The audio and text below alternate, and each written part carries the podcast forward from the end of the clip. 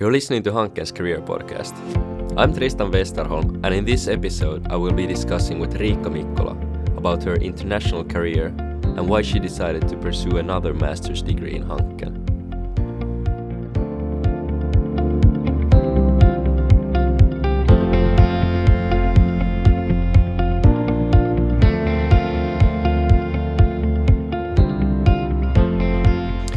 Hi everybody, so my name is Tristan Westerholm and today here at Hanken's Career Podcast I have the pleasure of having Riikka Mikkola with me.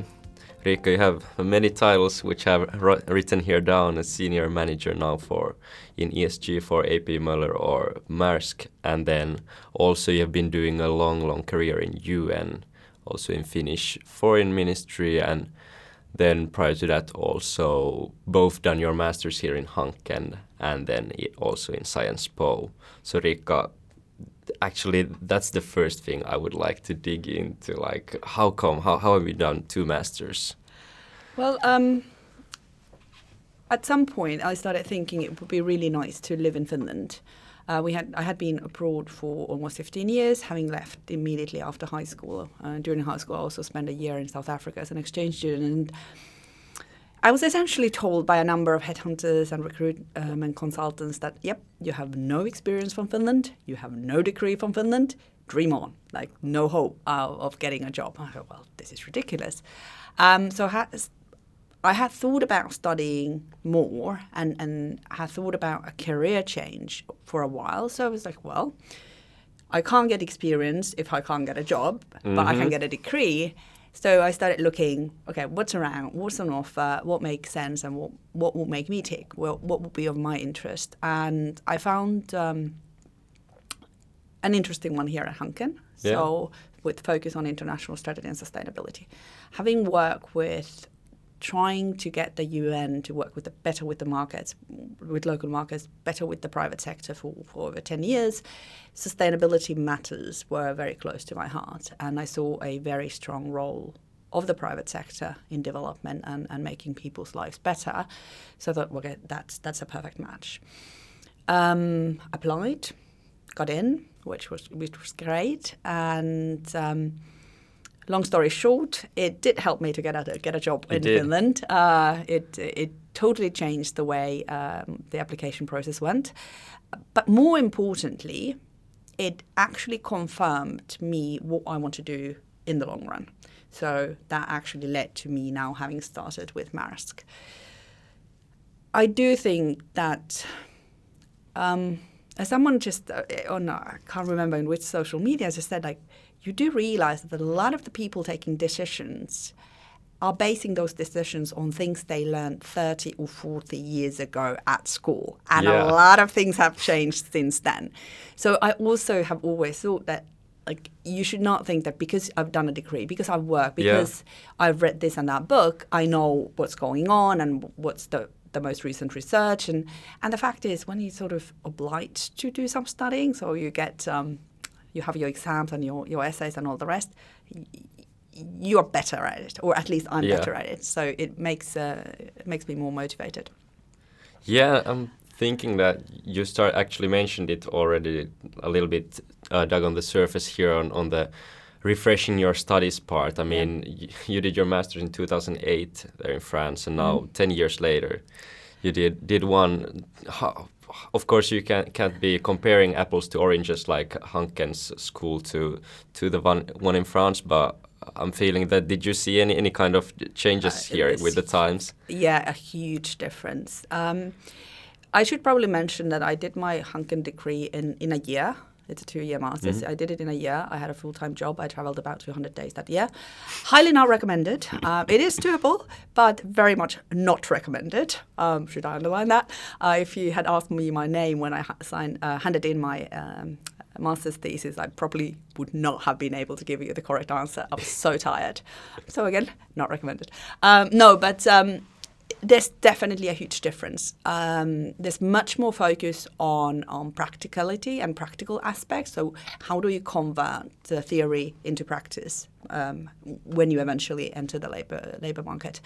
There's a lot more focus on group work, sort of working with people and and also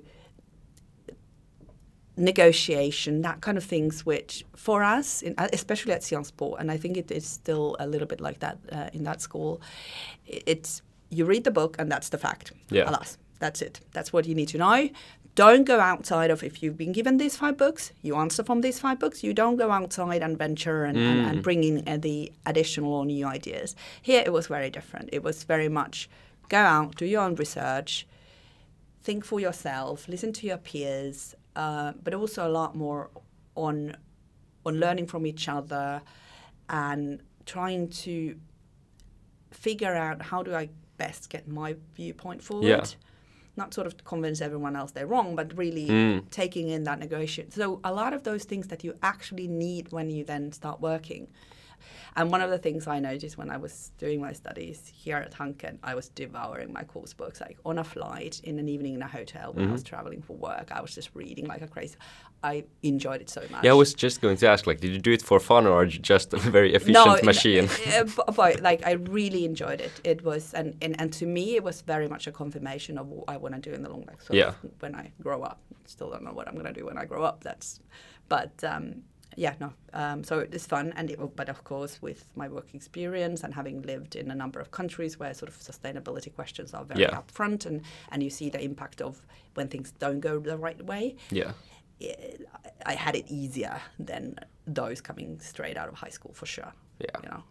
And you're talking about sustainability as maybe the, should we say, this the star you are following right now. Like, uh, weren't your studies still in the management also? So that was was the sustainability a, minor there and the management major, or are we talking about the international program where they are? So, um, so a lot of our well, well the course, well, the track was international strategy and sustainability. Yes. So a lot of I had a lot of of courses that were sustainability focused. Um, now that you can't do if you don't have the strategic side to things. Mhm. Um, you, or you can, you know, you can do a lot of greenwashing. You can write very beautiful, you know, blogs and all sorts of things if you understand the sustainability part and not the strategy part. But you're never going to get to a situation where sustainability and, and, and a sustainable way of doing business is actually integrated into an organization strategy, which is where it actually matters. Yeah. Yeah. So it becomes separate from the entity. So, um, and actually, when I, what was really good when I started studying here, um, I was responsible for capacity building in UNHCR, so the UN uh, Refugee Agency, um, with the focus on, on market-based assistance mechanisms. So how to get operations to change the way how they've worked before, uh, how to sell it to them that actually leveraging the local markets, working more with the private sector, uh, giving people the right to choose, you're better off than what you've been doing the past 20, 30 years. Well, people are very resistant to change. Uh, we all are. We, we program that way. So you need to figure out, okay, what's in it for them. So a lot of the studies I did here, I could actually directly convert to what I was doing at work. Also, I had a course in strategic foresight, still one of my favorite courses, and uh, we familiarized ourselves with uh, Lego Serious Play. I took that method slightly modified to one of the trainings we did for senior management. You can imagine like senior UN management, so very hierarchical, you know. Um, and I gave them Legos. Like, yeah, it No worked way. like a dream. It was. I could not have believed how well it would go. A lot of the senior managers they had never, as kids, played with Legos Yeah. because they came from countries where these were not available. So, uh, as a to- toy, it was totally new to them. They were so excited, and you know, they totally forgot that, you know, what their possessions are, Yeah. and you know, they, there's this from their perspective, a young woman telling them what to do. Usually, it doesn't go to, down too well. This time, it worked perfectly. I mean, so just the fact that I could take some of those things and, and, and implement it direct to my work uh, and see the, the the positive outcomes of it was was wicked. It was really cool. Um, so yeah, a, a lot of the strategy and and now what I do in my current job. So I've just started um, two weeks ago with Maersk, um, the, and it's in my job is in the procurement sector sector section. Um, so ESG enable, enable ESG enablement, and um, my focus is on uh, labor and human rights. Yeah. So I have a colleague looking at decarbonization, someone else on health and safety. So with the environment, environment is sort of on, on them. Uh, for me, it's, it's, it's really the social and the government side of things that are my responsibility. And um, when you think of, of Maersk, it has in itself 90,000 plus employee, uh, employees, plus about 60,000 suppliers. So our job is to figure out how these suppliers will become sustainably operating responsible entities. Yeah. Not so much of a problem with the Finnish and the Danish ones, but then we go to countries like Somalia or Bangladesh or Myanmar. The, we start having different kind of challenges on, on this. But there again, sort of whole of that strategy side of things becomes into play. I mean, I could just tell them you know, fill in the sheet and tick, tick, tick, they tick the box and yeah. uh, it's good. But no, we, we actually needed to get it really into the way of working and sort of link the Maersk vision into the way we work and the way we work with suppliers, how we do contracts. And actually, at this point, I, I want to pause you just for one second to just tell our listeners here in in very few or like one sentence like what does Maersk do? You're doing something with shipping but ah yeah no. Um, so um, having spent two weeks in Denmark I guess everyone knows the company it's yeah uh, Maersk is and I still pronounce it wrong the name. Um, I'm starting only my Danish lessons tomorrow, so maybe after that I'll do a bit better. Anyway, it's it's still a family-owned company, but it's the world's biggest logistics in sort of shipping so they have, um, can't remember how many uh, container vessels, uh, about 5 million containers around the world going here and there and everywhere. Are you trying um, to do that um, all sustainability? Yep. Um, and I think, I can't remember the, I did just look up the different figures, but we're looking at like 150 ports and I said 60,000 suppliers. Maersk is very much now looking into sort of the integrated um, supply chain. So they've they have planes now, they have the trucking side of things, and of course all the data that goes with it. Um, so yeah, it's it's big. it, it's really big uh, compared to uh, any of the organizations I've ever worked uh, with uh, before. Um, but also interesting because it has a pivotal role to play. Um, when when you are the leader or one of the leaders in the, in the industry, you have the ability to use your leverage for good. You also have the ability to use it for bad. So yeah. I'm happy that they have a relatively ambitious uh, plans in terms of decarbonization and human rights and safety and security and, and all of these things. Um, it could be the other way around, in, in which case we would not see any or we, we would see a lot less of, of positive movement in, in the logistics sector. Yeah. And if you ask me, I mean, the three sectors are, that are I see pivotal are, are food, in, uh, energy, and, and logistics. Those three need to be sustainable. Tell me, I know uh, I'm feeling that you're like this whole interview process has to be kind of fresh in mind still with you. Mm -hmm. That's unique compared with many of our other guests. I mean, they are maybe at the same stage more or less uh, in the career some before or some mm. are even more experienced some less but it, it's very unique uh, place for me to to be able to hear about like what does somebody as senior as you feel that the interview process like because I've been to interviews a lot and I feel that's where many of our students are they're doing many interviews but like what is it kind of like to to prepare for an interview that you actually care about in a sense that for me the interviews are often about like a six month job mm. there or like a three month job here but now you're looking at a big career change so how, how do you like contain your nerves for such an important thing um, I think what helped me with this one was the fact that I really didn't think they would hire me. Like I ah. honestly didn't believe that I. Um, what made it quite easy in the sense was also their way of approaching it. They came in very much selling the company, telling um, what they want and need, and yeah.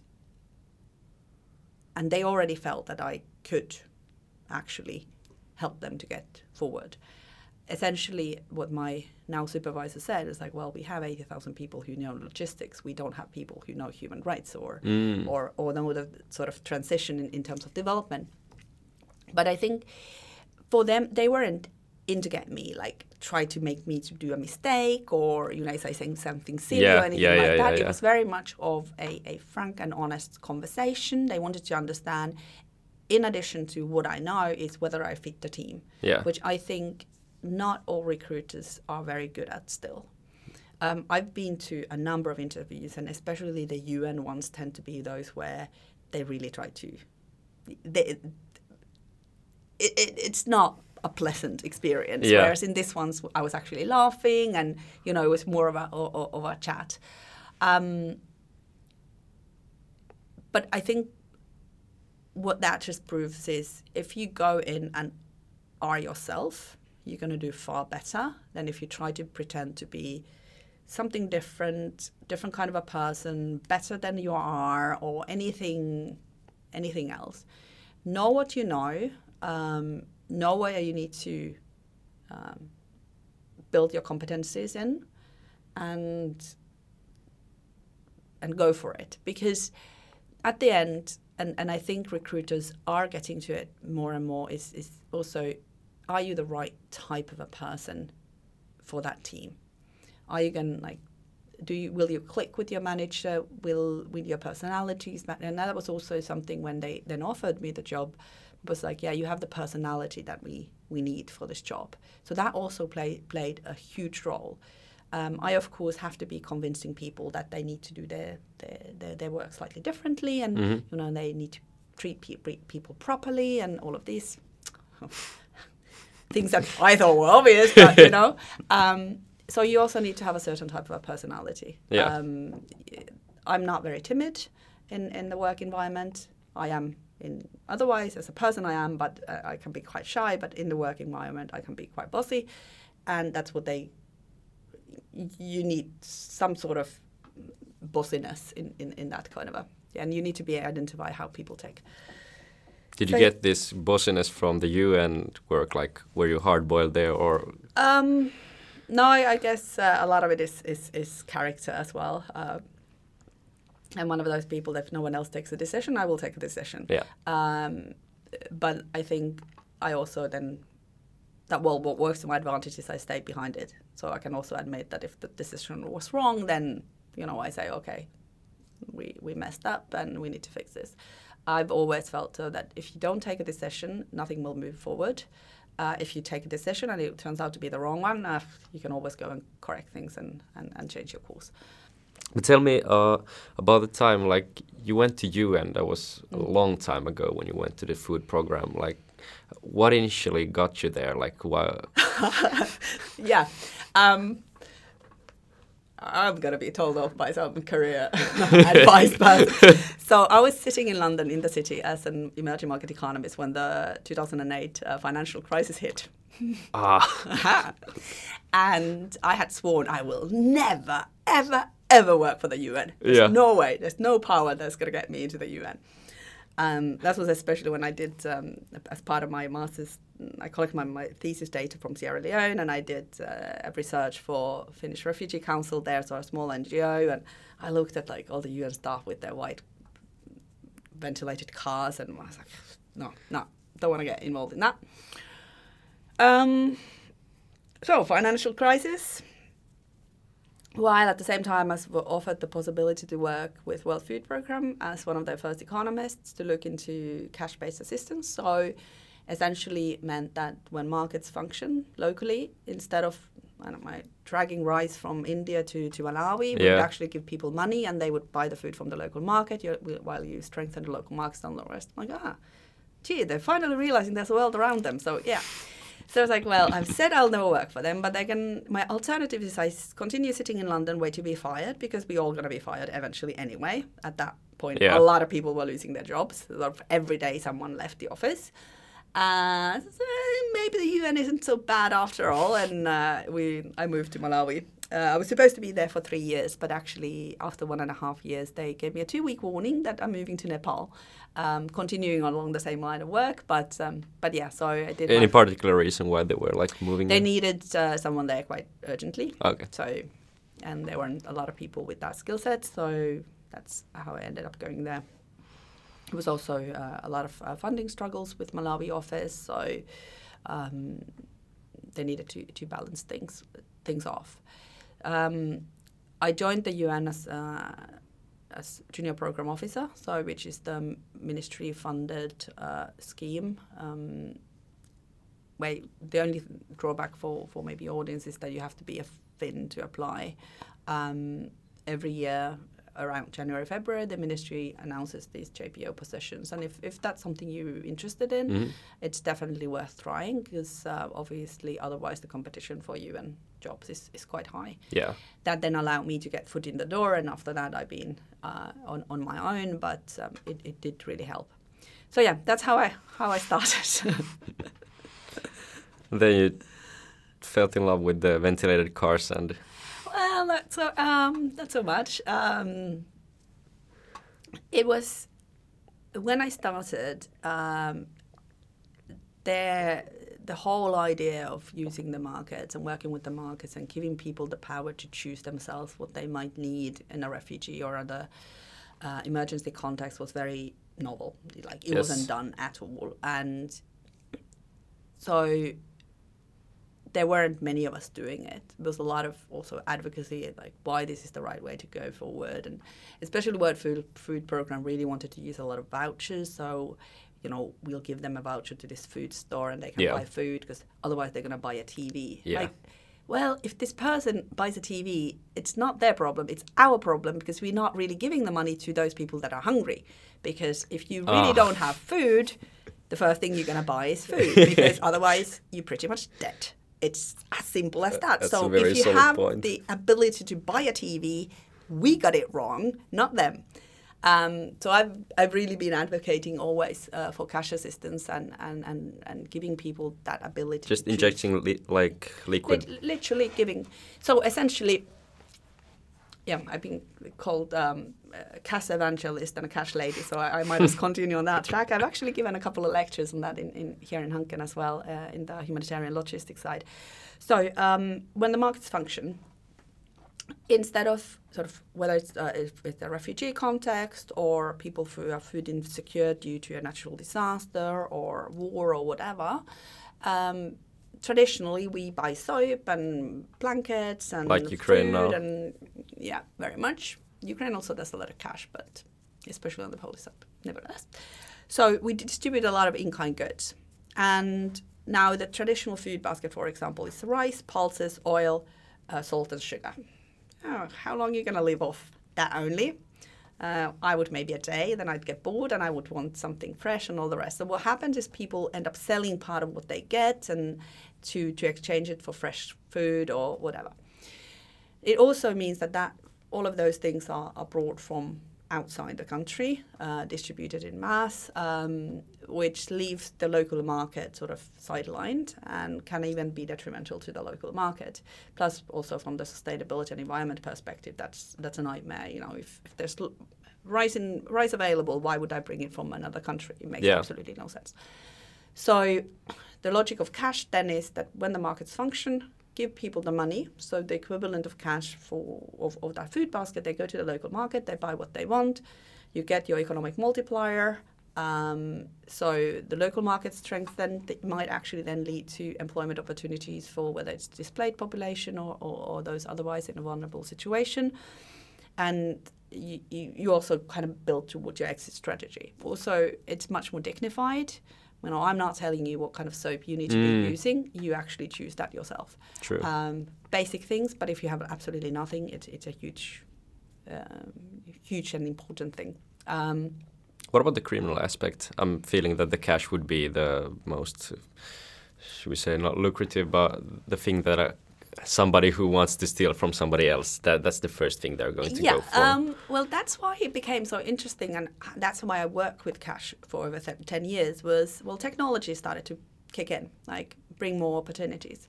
Initially, when we I was in Nepal, we literally had uh, a cash in transit insurance because we were carrying uh, backpacks full of notes, like hard currency, and distributing that. So if we were to be attacked, we could just throw the money and, and run, and Yeah. insurance would pay for it. We then started talking with some of the local banks uh, because they had smart cards with the POS machine, so the, the one where you pay with with offline operability. You wouldn't need an internet or anything. So it could be used in the rural side. Uh, and I started speaking to them. I was like, well, we want to work in the far west of Nepal. And they kind of like, oh, there are no banks operational there. It's like, we can see this is a win-win. So there we in- introduced smart cards, which used, uh, you, the identification was using a thumbprint because a lot of the, Mm. the, the people using them were illiterate. So using a PIN code would have been. So that then brings an additional safety element to it you know you need your thumb Yeah. to be able to use it no one really knows who got money and how much and all of that Mm. because they weren't queuing in lines uh, in africa we used a lot of mobile phones mobile money um, i mean very rare would we we use um, uh, hard cash i mean Niger, one of the poorest countries in the world, we paid nomad refugees with, with mobile phones, mobile money.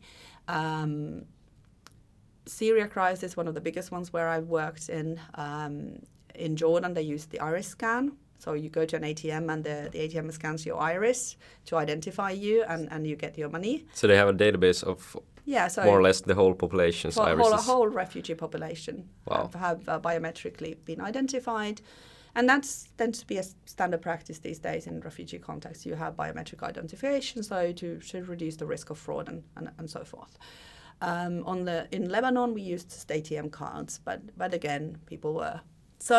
uh, The, technology has allowed us to find ways to to follow the money uh, much better than we were before. Um, also, in places like Congo, so DRC, uh, there are a lot of bandits and terrorist groups and, and these. So when they see a convoy of trucks going to a village, they kind of go like, huh, party time. Trucks leave, the following night the village gets attacked. Because they Yeah. know there's food, there's goods, yeah, there's these yeah, things. yeah. If we do the same thing with cash, they don't know who's got what and where.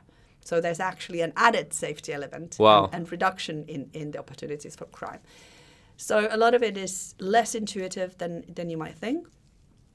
But yeah, no. So the whole transition and the whole tech, uh, technical development, and then my last two years with UNHCR. So I moved over to UNHCR when the Syria crisis hit. Um, I had just been on maternity leave, and I, there was an opportunity to go with World Food Program to Philippines. And then UNHCR contacted me that will I take on the cash and the coordination for cash in Lebanon for the Syrian refugees. And I was like, well, that's an opportunity I can't miss. So I hopped over and, and changed organizations.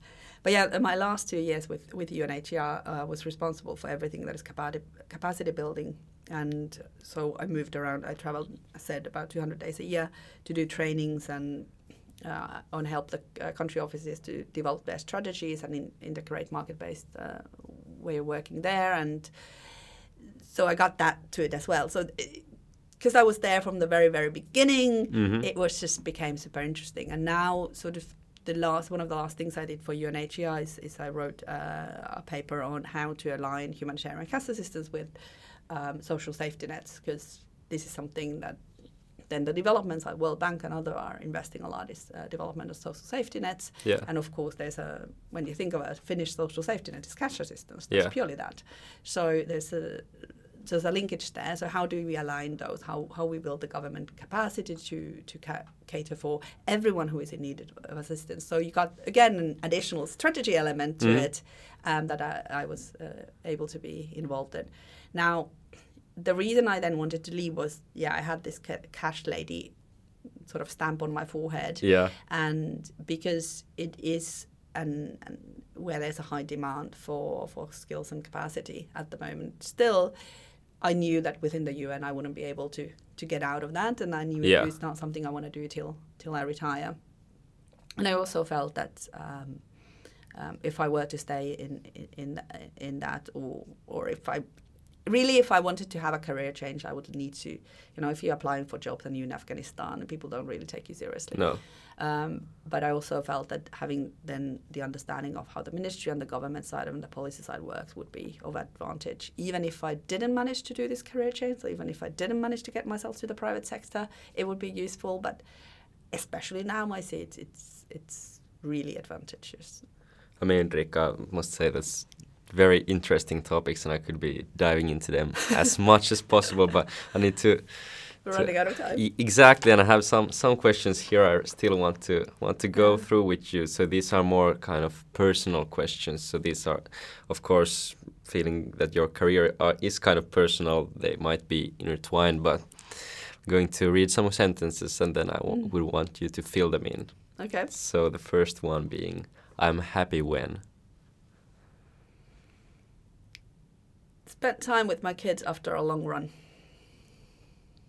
And when you say long run, you're jogging or a long run in the UN or no, it, uh, running, running, running. Yeah. yeah. Uh, so that's that, that's my sport. Uh, that's an easy one to take along uh, anywhere you go, um, and it's it's my meditation and a lot of a lot of other things. Do you listen to music or are you listening to your thoughts there? Um, I listen to. I, am totally hooked on audiobooks these days. It's in, impossible. I cycle everywhere, so I, and, and I run and, and I run. I, I do do marathons. Um, so I run a lot.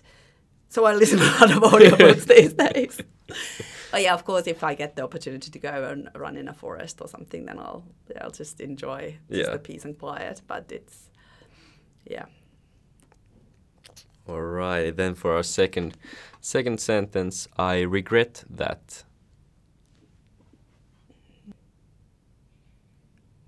I regret for having put other people's expectations, well, given other people's ex- expectation too much of weight, especially when they're not aligned with what I felt I need the most.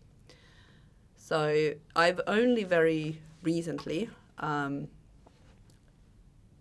gotten better at thinking what is that I need, how do, like, and what are my limits. I think that's the biggest. I've like the word no.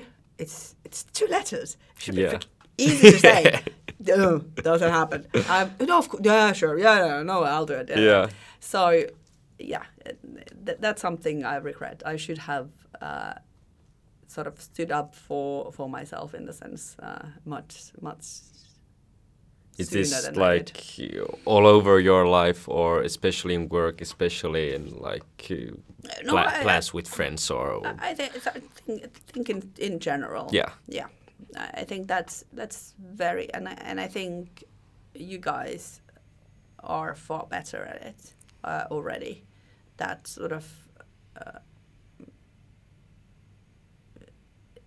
that there's a that you understand better that people haven't value just by being people yeah. instead of what they've managed to achieve or what they are doing or how they're performing. Um, and and I think personally, I've always valued myself through what I've done or achieved or made or full-blooded you know, meritocrat. Yeah, and very bad at just sitting back and relaxing, sort of I do that and I'm like, oh, I shouldn't, I'm, I'm wasting time. It's kind of a, yeah, no. So I should have learned away from that way of thinking much sooner. Yeah. You know, some people get older and wiser, others get older and more wrinkly. You know, um, what do you do about it? okay, the third one. An important thing I've learned in life is, I think this sounds very much like the stuff we just talked with uh, yeah, it's uh, yeah. Uh, do what feels right for yourself. Uh, really, I think what do you uh, what you want, um, and especially when it's about work. Yeah. There's no nothing wrong in changing your mind. So you try something, you don't like it, do something else. Um, I mean, I still have about 30 years of, of work life ahead of me. Um, I mean, if I'm lucky, I get to retire at, at 68. So we just under 30 years of work life ahead of me. you know, it, it's such a long time. You try something, it wasn't what you thought it would be, do something different. I think, as in, in many other things, sort of trying and figuring out what you don't want to do is equally important than, than learning what you want to be doing. Um, For me, it just struck me that you're actually in the beginning half of your work life, I know, yeah, yeah. and you still like managed to do all these things.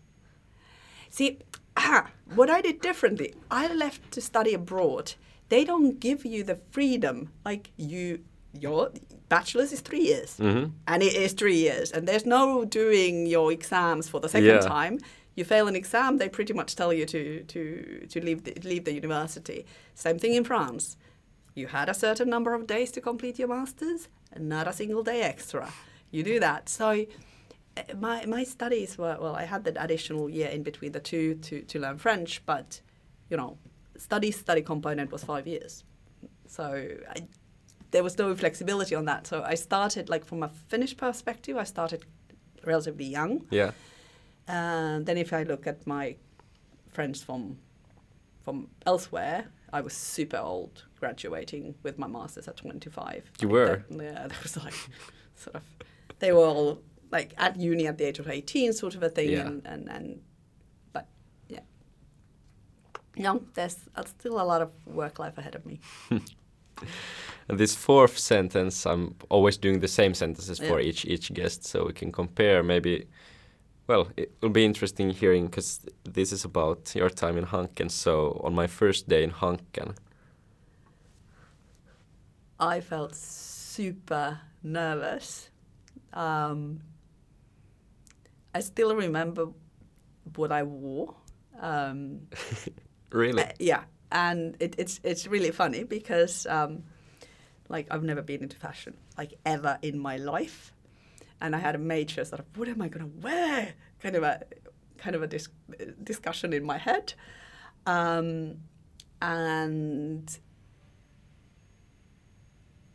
I spotted this friendly-looking American guy, and we started talking. We had very briefly met in, in some introductory thing earlier, and um, he was friendly, super social, and sort of helped me get uh, into into things and introduced me to people. And, and sort of, as I said, like I can be bossy at work, but uh, otherwise uh, somewhat shy. Um, so yeah, uh, having someone who sort of held my hand to get Was he- started was was he as like you, uh, one who had come to study like afterwards? No, or- no. So, uh, like he had worked for for a while, uh, and was, but no, no, he, No. no, not at all. And he it was his first masters and and all the rest. So, so yeah, but just very, very different type of a person in character, and um, no, so yeah. And um, I also remember that on on my first day, I actually sent a message to my mom saying, "I'm not sure I'm going to be able to t- do this. Like, they they telling us that you you know it's impossible to have a full time job and and to do this masters. What have I gotten myself into? like, what am I doing?" so so yeah. Um, all new situation, irrespective of what you've done before and what you're gonna do afterwards, are are for most people like quite nerve wracking, Yeah. and and you, you you doubt yourself and you question yourself. Not everyone does, but I do, and uh, yeah, I said I did manage it, and I managed it um, faster than. Uh, supposed to but um, on the first day i was quite convinced that there will be no good outcome from this whole thing what was i thinking Wow. And the last sentence that would be an important quote or motto for me. my childhood friend is, is a huge Star Wars fan, Yeah. yeah. and she would always quote Yoda and always says like, uh, "Do or do not. There is no try," and and I do think that that holds true in my life to a certain extent. Like you have to go into things thinking I'm going to do this, um, because if you're not serious about it, you you're probably not going to get anywhere. Um, you might try doing something and failing, and that's absolutely fine. But you should always go with the mindset that, I'm, yep, I, I can do this. I'm gonna do this, and and and whatever outcome is is is is fine. But this one, well, I'll try it a bit. It will probably Yeah. not get you anywhere. So my my last question. This is regarding a book. I'm thinking any anything special on your mind which you want would want to share. Yeah, um, all the historical novels of Enni Mustonen, they are, they are fun. They're very much sort of novels, entertaining, nothing serious, but she does amazing historical research. So the historical facts are actually facts, and they hold true. Sort of the love story or whatever around it, um, or, or starting up a business or whatnot. They don't necessarily, but it, when when you look at sort of the facts of, of the Finland's history on, on uh, or industrialization and all of those, they'll hold very much true, and it just res- also resonates with me at the moment quite a bit because it, it just reminds you why you need to understand history. Sort of the whole industrialization here made it possible for us to get stuff cheaper, but it was still on the expense of, of the workers. Then we moved, we realized that, well, this is not okay. We can't uh, accept this kind of working conditions for our people. Um, we spoke about uh, equality and all of those things. Then we shipped the, the production somewhere else and got the, the things cheaply from the back of other people and now we're actually looking at this and going ah no this is also not acceptable. So so we're back in square like we've had this whole discussion but in a different context and yeah it's it's it's it's quite cool. And especially if you're looking something to read outside of school books uh, but with some factual things they, they are very good. Um, but then if you don't read finnish then the world's happiest man that was very very good uh, someone who who was in auschwitz and um, it's a beautiful story, uh, but not not a cheesy one. So that one is definitely uh, uh, worth worth reading as well. Yeah. Asked for one, I got two, so feeling this is a good day. but Riikka, I have to say thank you for being here. It's it's Thank been you. a long and interesting chat with you. And all right, but Cool. Thanks. Thanks for having me. Thank you. Thank you. You've been listening to Hankens Career Podcast. I'm Tristan Westerholm and thank you for listening.